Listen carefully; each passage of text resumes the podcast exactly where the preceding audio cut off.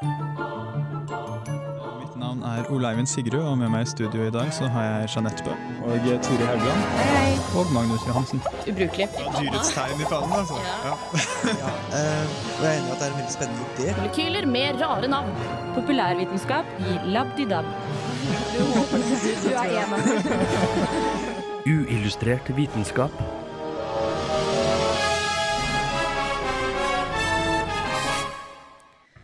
Programmet Hjernevask av Harald Eia har skapt store reaksjoner hos forskjellige samfunnsvitere og biologer.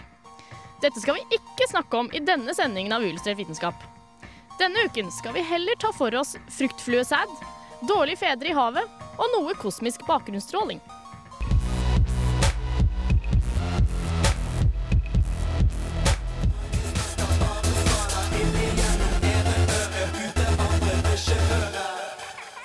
Radio Revolt. Ja, der fikk vi litt nydelig skarring fra Lars Vaular og Gi meg noe bass. Eh, nå hører du på Uillustrert vitenskap her på Radio Revolt, FM 100. Eh, jeg heter eh, som alltid Jeanette Bø, og med meg har jeg også som alltid Ole Eivind Sigrud Hei, hei. og Magnus Johansen. Hallo. Turi er foreløpig bak spakene, men hun vil du få høre litt eh, mer fra etterpå. Yeah. Og eh, som sagt så skal vi snakke litt om kjipe fedre i havet. Eh, og da må jeg presisere at det er eh, noe som ligner på en sjøhest. Noe som alle har hørt er jævlig koselig dyr. Eh, sånn, De er jo veldig trivelige. Ja, ja, og så er det jo litt sånn likestilt. Eller Ja, ja. egentlig litt sånn omvendt fra ja, oss. da. omvendt er det. Faren eh, føder barn, og eh, sånn det burde vært. Og da tenker alle det her er et flott dyr. Men eh, sjøhesten er jo i slekt med en litt utstrekt versjon av seg selv, som heter nålefisk. Og de har jeg, eh, har jeg tenkt å snakke litt om nå.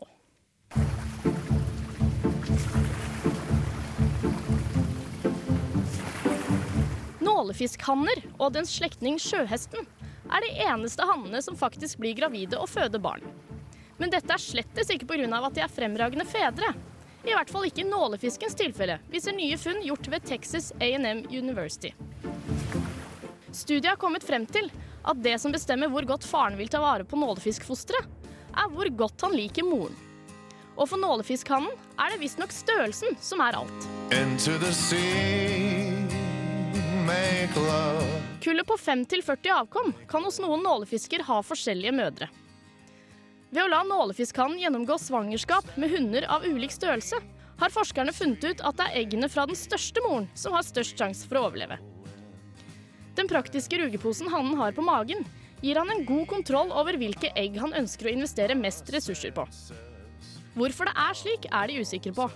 Men det kan se ut som at jo bedre hannen liker hunden, jo bedre tar han vare på eggene hennes. Make love, make waves.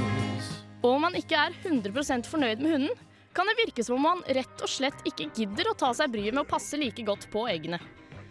I forskning gjort av Gry Sagebakken ved Gøteborgs universitet har det blitt kommet frem til at hannen er i stand til å ikke bare tilføre eggene næring, men også føre næring fra eggene til sin egen kropp.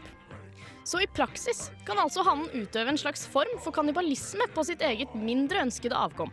Tell me Det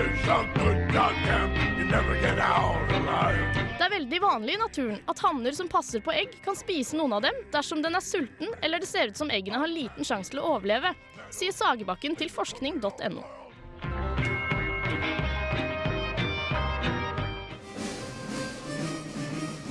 With the proper breeding techniques and a ratio of, say, 10 females to each male, I would guess that they could then work their way back to the present gross national product within, say, 20 years.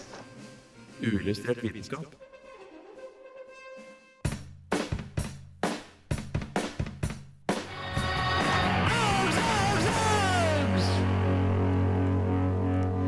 Ja, det var eh, Guinea Worms med 'Drunk In Your Uggs'. Og du hører fremdeles på Uillustrert vitenskap. Eh, som vi snakka om forrige uke, så var jo jeg og Ole Eivind på, på tur, holdt jeg på å si. På foredrag på eh, Samfunnet eh, med en nobelprisvinner og en sånn astrofysiker. Og vi hørte intervju av eh, nobelprisvinneren Ivar Gjæver forrige gang. Men det er jo ikke bare han eh, du intervjua, Ole Eivind. Nei, jeg fikk jo heldigvis snakket litt med Charles L. Bennett, som han eh, heter. Som er en såkalt observasjonsastrofysiker. eh, veldig kjent kar. Jeg snakket med ham om eh, den kosmiske bakgrunnsstrålingen, f.eks. Jøss. Men eh, det her var jo et litt eh, mindre eh, oppsiktsvekkende foredrag fra han her enn det var fra Ivar Gjæver. Det var litt mer trivelig å sitte i salen.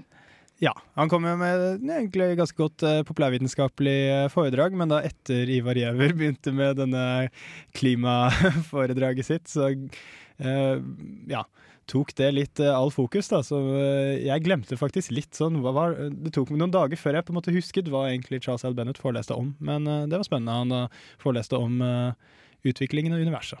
Ja. Skal vi bare få høre intervjuet nå? Ja. Charles L. Bennett er en amerikansk kosmolog og professor i fysikk og astronomi ved John Hopkins University. Han er leder for romforskningsprogrammet Wilkinson Microwave Anisotropy Probe, og før det var han vitenskapelig nestleder for Differential Microwave Radiometer på Kobi-satellitten. Det begge disse prosjektene har til felles, er at de studerer den kosmiske bakgrunnsstrålingen. Bakgrunnsstrålingen er rester av den intense elektromagnetiske strålingen ved universets begynnelse. Etter hvert som universet har utvidet seg, har denne strålingen avtatt, og tilsvarer nå den strålingen en ville få fra et legeme på kun 2,73 kelvin. Vi har nå ekstremt gode modeller for universets utvikling, mye takket være oppdagelsen av den kosmiske bakgrunnsstrålingen. Men hvordan var feltet kosmologi før det? Well, there were many uh, important steps to our knowledge today that happened before the cosmic background. The thing that matters a lot is gravity and how gravity works. And we, we have a long history of developing how gravity works through Galileo and Newton and Einstein. And all of those pieces started building together. And Einstein uh, applied his theory to the universe as a whole. Einstein was wrong. He thought that the universe would just be um, should be static and unchanging. And in 1929, the American astronomer Edwin Hubble discovered that the universe actually is expanding, and it's not it's not static. And Einstein was gracious and retracted his ideas, and he said he was wrong, called it the greatest blunder of his career. And then around 1950, there was uh, a number of uh, steps also that were very important um, in calculating how the atomic elements formed in the early universe. And one of the things that came out of those calculations was a prediction that there should be a cosmic microwave background radiation. And um, that prediction turned out to be correct. It wasn't discovered until 1965, um, and actually discovered by accident. The people that found it weren't looking for it, but discoveries are, are good for Nobel Prizes, and they won a Nobel Prize anyway. And that started a sequence of events of studying the radiation and learning about the early universe. Steady state-hypotesen mistet mange tilhengere etter Hubble oppdaget at universet utvides. Men det var den kosmiske bakgrunnsstrålingen som endelig tok knekken på den. The Big Bang Theory predicted this cosmic background radiation, and the steady state theory really couldn't even explain it. So, the, the discovery of the cosmic background pretty much was the end of the steady state theory of the universe, and then everybody focused their efforts on the, on the thing that actually had the accurate prediction. Så hva er det med denne strålingen som gjør den så spennende for fysikere? The radiation provides us actually with a time machine.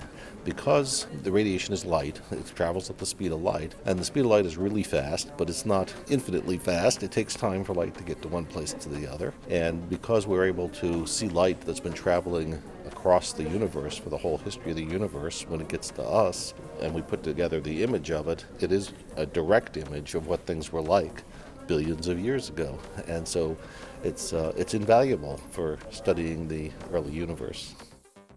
And we've uh, traced the universe back to within one second of the beginning. And we even have ideas about what happened within the first second and theories about it. And we are now collecting data, checking the theories, and trying to develop that. So we actually understand most of the history of the universe pretty well. Så satt jeg der, da, med en av verdens fremste astrofysikere. Det finnes så mye spennende å snakke om på dette feltet, men det var ett spørsmål jeg virkelig måtte få svar på. Hva synes han egentlig om nerdetegnestripen over alle nerdetegnestriper? Nettstripen XKCD. I love XKCD. It's, I read it all the time. It's great fun. Science, it works, bitches.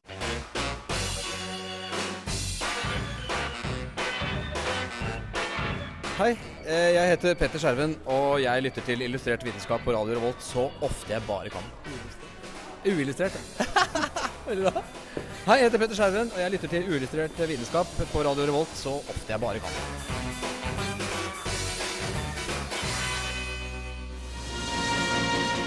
Uillustrert vitenskap presenterer Forskningsnytt.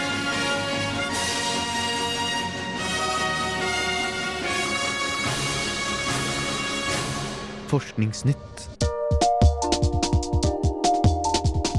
En ny studie fra The Boston University School of Public Health, som er den første av sitt slag, viser at å gå på fylla dagen før en akademisk prøve ikke vil påvirke resultatet.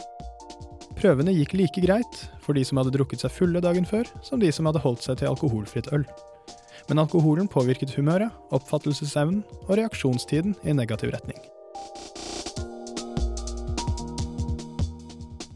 Amerikanske biologer har genmanipulert fruktfluer slik at hodene på sædcellene deres er farget enten selvlysende røde eller selvlysende grønne. Hunnfluene parer seg nemlig med flere hanner, hvis sæd deretter må konkurrere om å først befrukte eggcellene.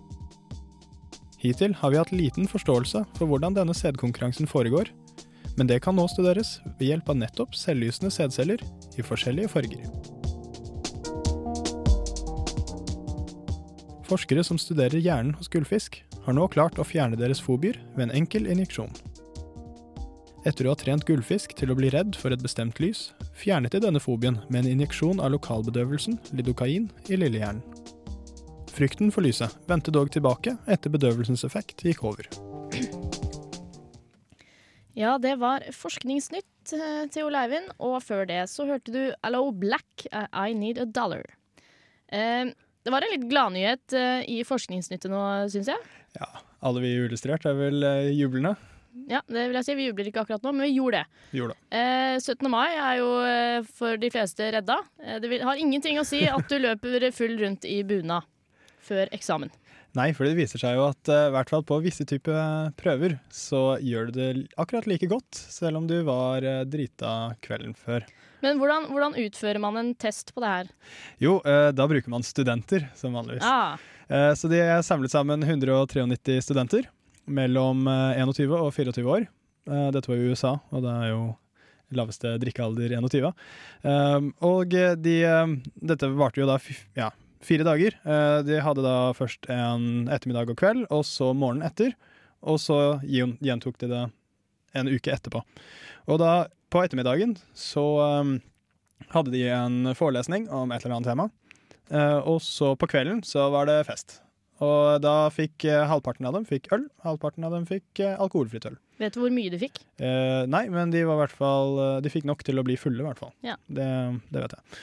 Eh, og så morgenen etter så ble de testet. Og eh, de fikk en øvelsesversjon av en sånn amerikansk standardprøve som heter eh, Graduate eh, Record Exam. eh, som da Det viktigste er langtidshukommelsen i den testen. Eh, Og så fikk de også en quiz på eh, forelesningen, eh, som da ble arrangert ettermiddagen før. Og Så uken etterpå så gjentok det det samme, men da byttet de, sånn at den gruppen som hadde fått alkoholfritt, fikk øl, og omvendt.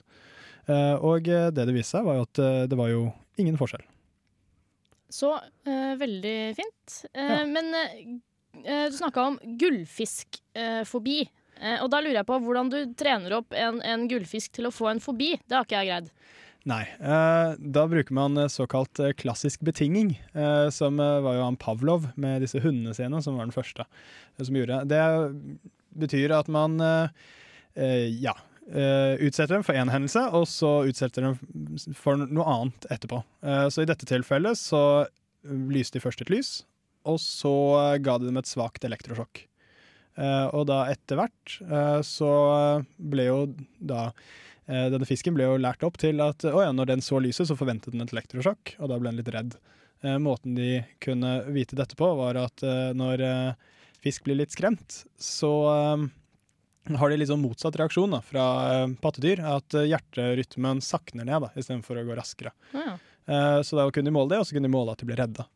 Eh, og så etterpå så uh, sprøytet de jo inn dette, dette bedøvelsesmiddelet inn i lillehjernen deres.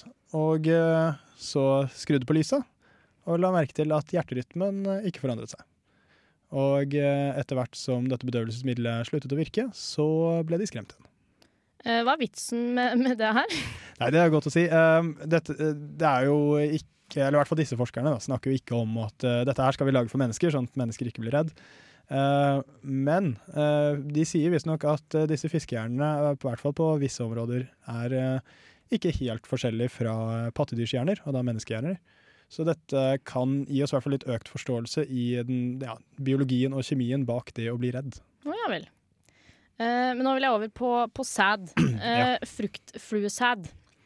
Eh, eh, og det her med å genmanipulere celler til å bli eh, selvlysende har jo blitt eh, brukt mye av en eller annen grunn, men til, til, til hva? Ja, blant annet så har det jo blitt jo, brukt til litt sånn moro. for Blant annet så har de jo eh, lagd både selvlysende mus og selvlysende kaniner. Eh, men eh, Det vil jeg ha. Ja, det har jeg også veldig lyst på, men det er dessverre ikke da lov å gi til oss. Det er bare disse forskerne som jobber med dem som kan ta, ha det, da. Det, det, det er jeg litt lei for. Eh, men sånn eh, litt mer seriøst, da, så det, har det blitt vi har, ja, vi har funnet den her med selvlysende proteiner. da. Så da, de er selvlysende i ultrafiolett lys, da. så det er ikke sånn at de lyser opp nødvendigvis. Men eh, dette kan vi da ved hjelp av genteknologi dytte inn på f.eks.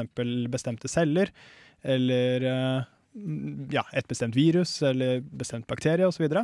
Og på den måten så kan vi jo da observere hva som skjer når f.eks. en kreftsvulst utvikler seg. Så kan man merke kreftceller med dette, og så kan man se hvordan det sprer seg, eller et eller annet sånt. Ja. For eksempel. Eh, men du har jo opparbeida deg nå en, en ganske eksepsjonell peiling på uh, fruktfluesæd, uh, Oleiver. Ja, disse fruktfluene er jo, eh, de er jo forskernes favoritter. Og eh, det er jo også svært mange forskjellige fruktfluer. Og blant annet da så er det en som heter eh, Drosophila eh, bifurca. Eh, Drosophila er da eh, Det er alle fruktfluer heter det, da. Og så er det et eller annet etterpå, da. Og denne her den skiller seg ut ved at eh, den bruker da tre uker på å lage et eneste, eh, eller en eneste sædcelle. Så kan man jo lure på hvorfor i all verden bruker den så lang tid. Jo, det er fordi sædcellen faktisk er 20 ganger lenger enn kroppen til denne stakkars lille bananfluen. Um, bananfluen er eh, tre millimeter lang, Uh, litt som en bindestrek. Og uh, sædcellen har en hale som er eh, 5,8 centimeter lang. Eh, dette vil eh, tilsvare at eh, jeg, som er sånn eh, 1,78 cirka, vil produsere sæd med en 35,8 meter lang hale. Imponerende. så cirka som en blåhval. Eh, og så Mo- Morsom tanke. Den er tusen ganger større enn en, eh, en menneskesædcelle. Kan man jo lure på hvorfor i all verden eh, Ja, hvorfor lager de dette? Det vet vi ikke helt. Eh, men det er en generell tendens. I arter der eh, hundene er litt mer promiskuøse, så lager hannene større sædceller. Ja, men da spiller vi uh, Anai Mitchell eh, featuring Justin Vernon med Way Down in Hades Town. Follow that dollar for a long way down.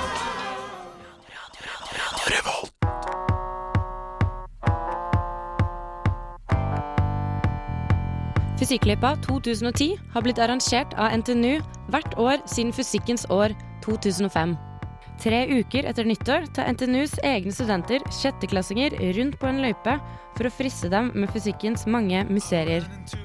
Luft, lys, vann, magnetisme, elektrisitet og lyd skal læres i løpet av den fire timer lange løypa. Best i minnet sitter gjerne klangrommet og det ekkofrie rommet. I klangrommet henger et øre som lyser hver gang lydnivåene er for høye.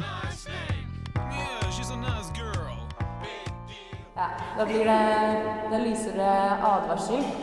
Det er for at dere ikke skal skade hørselen deres. Over en lang periode eller altfor høy lyd på en gang, så kan dere få sånn øresus og ødelegge hørselen deres. Har du hørt det?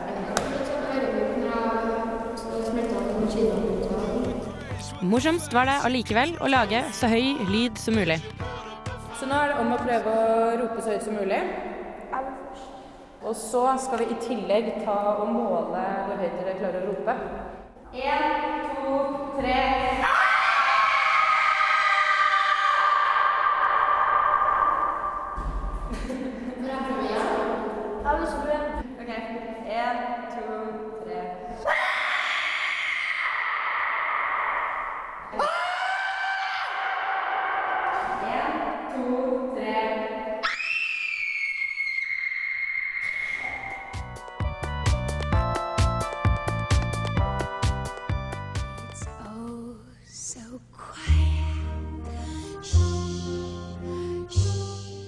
Det ekkofrie rommet er det motsatte av klangrommet. Det har over én meter isolasjon i tak, vegger og gulv. Rommet er knyttet til resten av bygget med fjær. Eh, men nå skal vi inn i det ekkofrie rommet. Kan dere tenke dere hva som skjer der? Ikke ekko. Ja. Ja, men hvorfor det? For at det er fullt av sånn hull, og så forsvinner lyden inn i hullene. Ja. Det viktigste er at dere ikke ikke tar på veggene, fordi der er det grafitt, og det får dere ikke av så veldig lett. Ok, Så du må holde dere på risten her. Du kan gå litt lenger inn. Ikke på, på risten. Så skal jeg bare lukke en døra nå. Rist. Rist.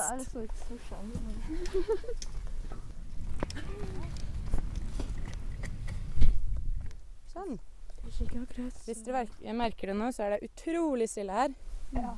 Det er fordi dette rommet er isolert én meter i gulvet og i veggene og i taket. Ja, så hvis dere prater inn i veggen eller klapper og sånn, så stopper det, stopper det med en gang. Kan dere tenke dere hva det kan brukes til? Sove. Å sove? Ja. Kan du hyl? Da hyler du? ja, ikke noe sånn etterlyd. I stillerommet skulle elevene høre forskjellen på lysetoner med høy frekvens og lavtoner med lav frekvens, men mer energi enn de lyse. Men når det stereoanlegget her øh, snur seg øh, rundt i rommet, så må dere merke hvordan de lyse tonene forsvinner rett inn i veggen, mens de mørke skal du kunne høre hele tiden. Hører dere det nå? Kommer det plutselig masse lyse toner. Høres nesten øh, litt ut som å være på flyet. Da får du litt samme følelse som her sånn. Ja. Og så er det jo akkurat samme lyden også. Det dere må merke er at når dere går ut av dette rommet, kommer dere til å høre masse, masse flere lyder.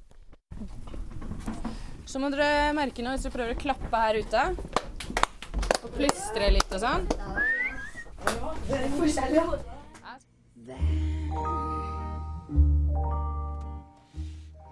Ja, det var Turi Haugland på tur med sjette klasse rundt på Gløshaugen. Det høres ille ut. Det var veldig koselig. Ja, eh, men hvordan, hvordan er det å jobbe med sjetteklassinger? Eh, fungerte egentlig ganske bra. Jeg liker, liker at de respekterer meg. Nei da. Jeg har et uh, litt spørsmål. Kan uh, de på min alder også følge med rundt? Eh, ja ja, selvfølgelig. Det er bare å spørre. Jeg er veldig interessert i stillrommet. Jeg har ikke vært der uh, på Elektrobygget, er det ikke? Eh, jo, det er det. Eh, det var faktisk utrolig kult. Jeg hadde heller aldri hørt om det, noe som jeg syns er veldig teit, fordi jeg tilhører jo det bygget. Og så kommer du inn der, og så er det høyt under taket og masse isolasjon som er dekket i grafitt. Så alt er sort der inne. Og så går de oppe på sånne rister og ser ned i isolasjonen, som er én meter dyp. da. Så du får, det er veldig sånn spesiell eh, følelse. Og når du lukker igjen døra, som også er i én meter eh, isolasjon med grafitt, så du, da blir det helt stille. Veldig kult. Men de uh, ungene som er med på uh, fysikkløypa, eh, virker det som de er interessert i det du snakker om, eller venter de bare på at du skal bli ferdig? Eh, ikke når man kommer inn i stillerommet. Da er det, Ja, det er helt eh, stille. Det er deilig. Men eh, stort sett så klarer de å følge med, og de syns det er interessant. Fordi du gir dem på en måte hele tiden noe nytt å holde på med. da Og du prøver å engasjere dem og få dem til å tenke litt selv, og det syns de er morsomt. Du gidder ikke på en måte stå og undervise dem, du lar dem holde på litt selv og prøve å skjønne ting selv, og da går det egentlig greit. Ja, men eh, nå tror jeg vi spiller en eh, sang av eh, John Ikke sang, en låt av John Ellis og Double Wide med Fos- Professor.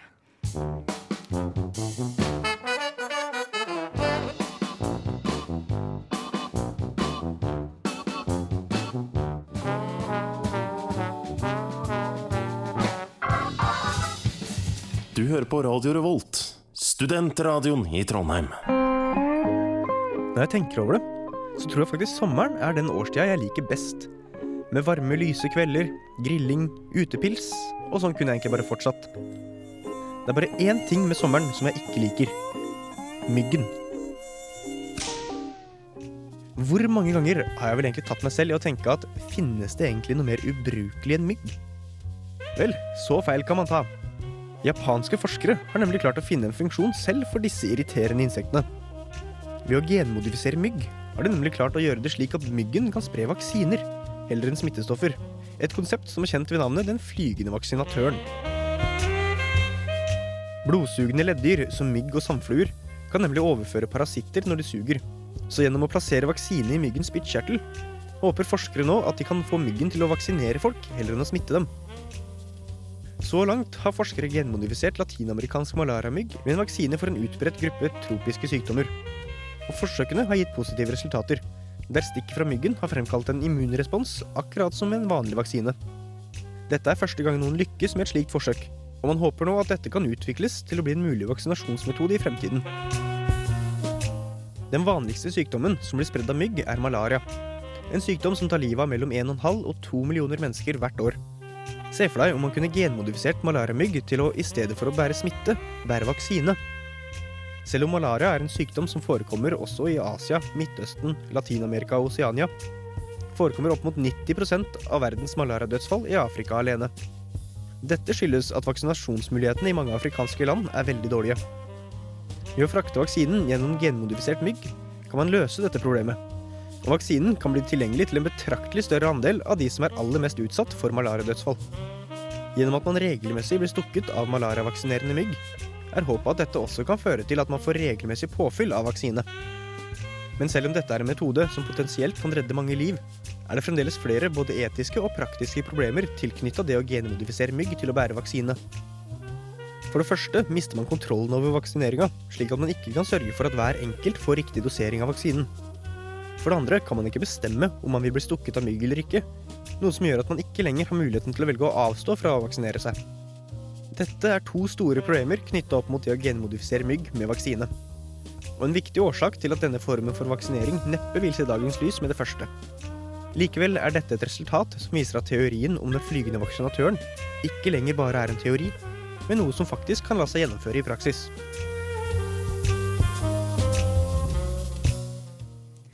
Ja, du hører på Uillustrert vitenskap, eh, og der fikk vi høre Magnus Johansen snakke om genmodifisert mygg. Og det høres jo veldig flott ut med malariavaksine. Men eh, Ja. du, du nevner noen etiske problemer.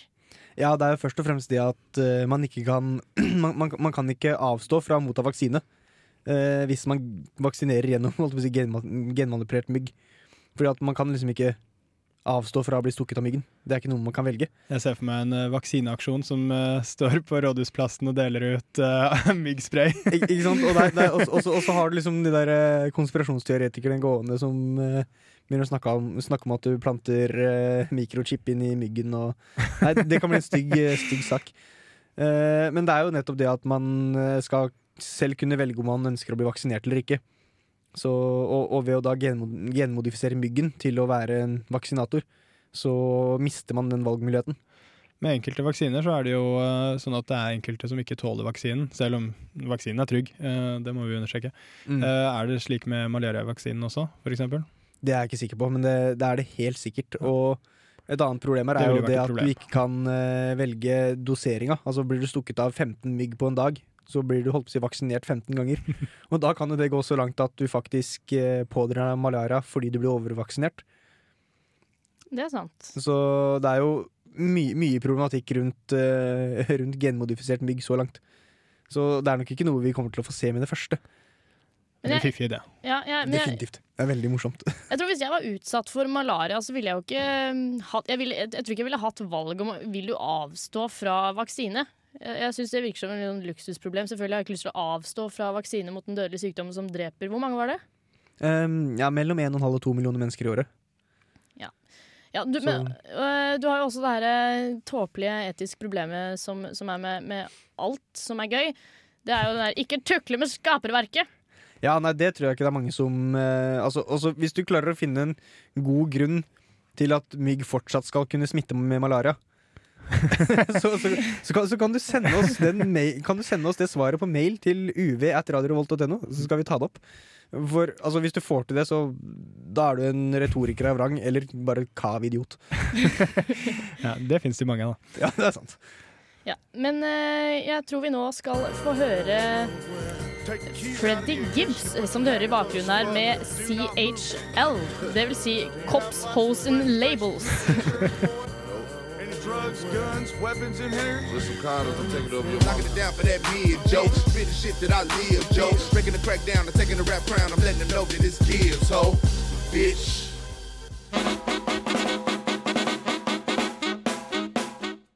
I can wire anything directly into anything. I'm the professor.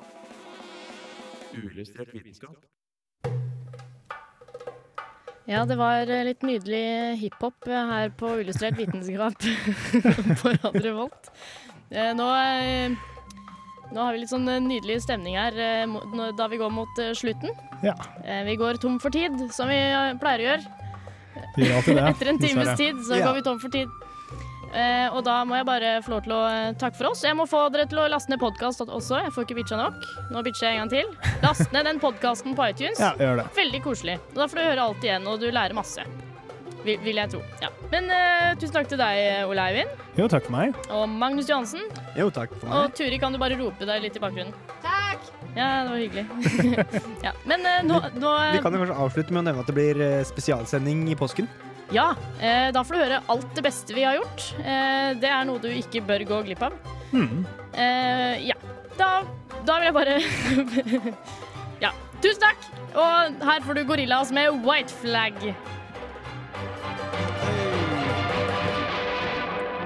Look, yo, no castaway, no survivor. I ain't lost and this ain't shipwrecked.